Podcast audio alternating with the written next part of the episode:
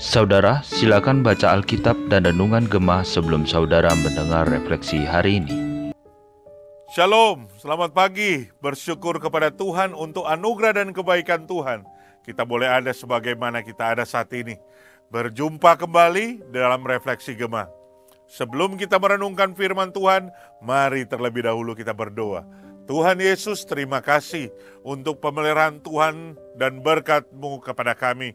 Berkati kami saat ini mau merenungkan firman Tuhan. Romo yang kudus yang berkuasa dan memimpin kami. Dalam nama Tuhan Yesus kami berdoa. Amin. Firman Tuhan pagi ini diambil dari Imamat 9 ayat 1 sampai 24, tetapi kita hanya akan membaca ayat 1 sampai 4 dan ayat 22 sampai 24. Imamat 9 ayat 1 sampai 4. Pada hari yang ke-8 Musa memanggil Harun serta anak-anaknya dan para tua-tua Israel. Lalu berkatalah ia kepada Harun, Ambillah bagimu sendiri seekor lembu muda untuk korban penghapus dosa, dan seekor domba jantan untuk korban bakaran. Kedua-duanya yang tidak bercela, kemudian persembahkanlah itu di hadapan Tuhan. Dan kepada orang Israel haruslah engkau berkata begini, Ambillah seekor kambing jantan untuk korban penghapus dosa, dan seekor anak lembu dan seekor domba, masing-masing berumur setahun, dan yang tidak bercela untuk korban bakaran. Dan lagi, seekor lembu dan seekor domba jantan untuk korban keselamatan, supaya dikorbankan di hadapan Tuhan, dan korban sajian yang diolah dengan minyak. Karena pada hari ini, Tuhan akan menampakkan dirinya kepadamu. Ayat 22, Harun mengangkat kedua tangannya atas bangsa itu, lalu memberkati mereka. Kemudian turunlah ia setelah mempersembahkan korban penghapus dosa, korban bakaran, dan korban keselamatan. Masuklah Musa dan Harun ke dalam kemah pertemuan. Setelah keluar mereka memberkati bangsa itu, Lalu tampaklah kemuliaan Tuhan kepada segenap bangsa itu, dan keluarlah api dari hadapan Tuhan, lalu menghanguskan korban bakaran dan segala lemak di atas mesbah.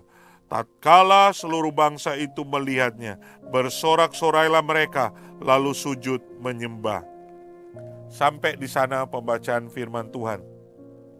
Bapak, ibu, saudara yang terkasih, dalam bagian ini Musa dan Harun ini menga ingin mengajarkan kepada kita suatu kebenaran yang penting.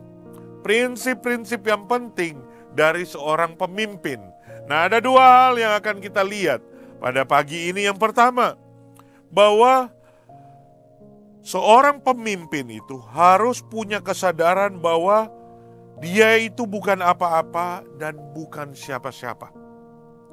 Dia bukan apa-apa dan bukan siapa-siapa Kesadaran ini penting sekali di dalam hidup seorang pemimpin ataupun pelayan ataupun jemaat Tuhan. Kenapa? Karena kesadaran bahwa kita bukan apa-apa dan bukan siapa-siapa, maka kita akan mensyukuri segala anugerah dan berkat daripada Tuhan. Ketika kita menyadari bahwa kita bukan apa-apa dan bukan siapa-siapa, maka itu akan menuntun kita kepada sikap hati yang rendah hati. Akan menjadi seorang yang rendah hati. Tetapi sebaliknya, kalau kita tidak mempunyai kesadaran bahwa kita ini bukan apa-apa dan bukan siapa-siapa, maka kita akan menjadi tinggi hati dan bahkan bisa menjadi sombong.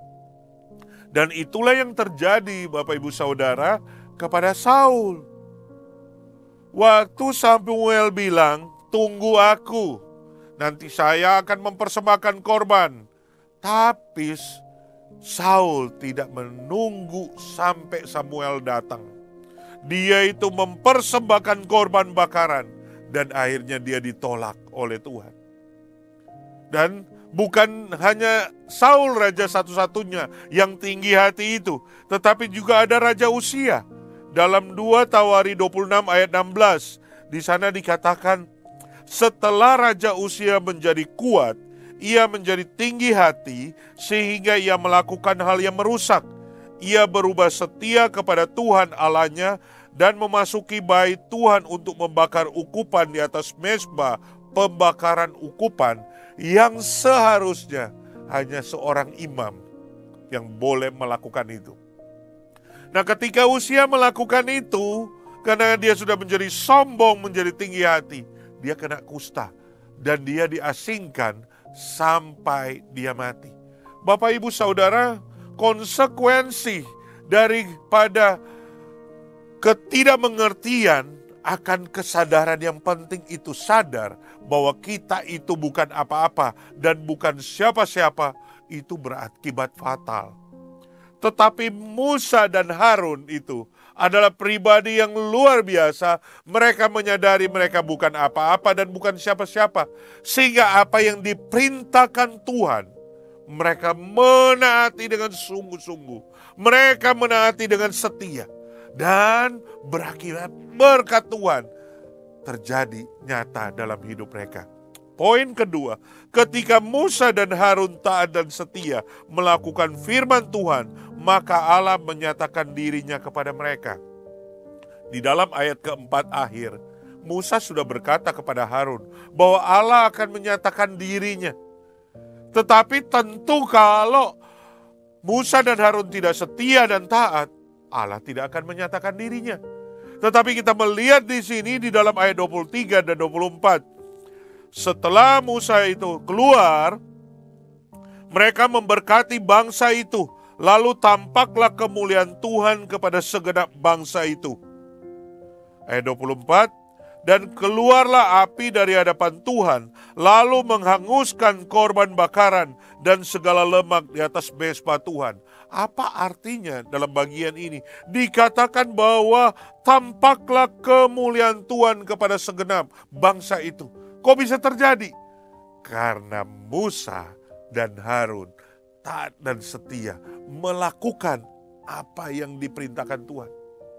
Maka Tuhan menyatakan kemuliaannya, maka Tuhan mengirimkan api, membakar, menghanguskan korban bakaran yang dipersembahkan. Itu menandakan apa? Bahwa persembahan yang mereka persembahkan adalah persembahan yang menyenangkan Tuhan. Bapak, ibu, saudara yang terkasih, mari kita belajar dari Musa dan Harun pada pagi ini. Untuk apa? Untuk menyadari bahwa kita bukan apa-apa dan kita bukan siapa-siapa. Oleh karena itu, kita harus taat dan setia melakukan segala firman Tuhan. Dan ketika kita melakukan itu, maka kita percaya apa yang terjadi Tuhan akan memberkati hidup saudara dan saya. Secara khusus sebagai pemimpin dan pelayan ataupun umat Tuhan. Maka segala pelayanan kita boleh sungguh menyenangkan Tuhan dan berkenan di hadapan Tuhan. Bukankah itu yang kita kejar? Supaya Tuhan disenangkan, mari kita belajar dengan kesadaran bahwa kita memang bukan apa-apa, bukan siapa-siapa. Tetapi kita diperintahkan untuk taat dan setia melakukan firman Tuhan. Amin. Kita berdoa. Tuhan Yesus berkati kami supaya kami boleh belajar seperti Musa dan Harun menyadari bahwa kami bukan apa-apa dan bukan siapa-siapa supaya kami boleh merendahkan diri di hadapan Tuhan kami boleh taat dan setia melakukan firman Tuhan. Karena itu yang kau kendaki bagi kami. Dan mau percaya Tuhan, ada berkat Tuhan yang menantikan bagi setiap kami yang taat dan setia kepadamu. Dalam nama Tuhan Yesus kami berdoa. Amin. Tetap semangat, tetap percaya. Tuhan Yesus memberkati.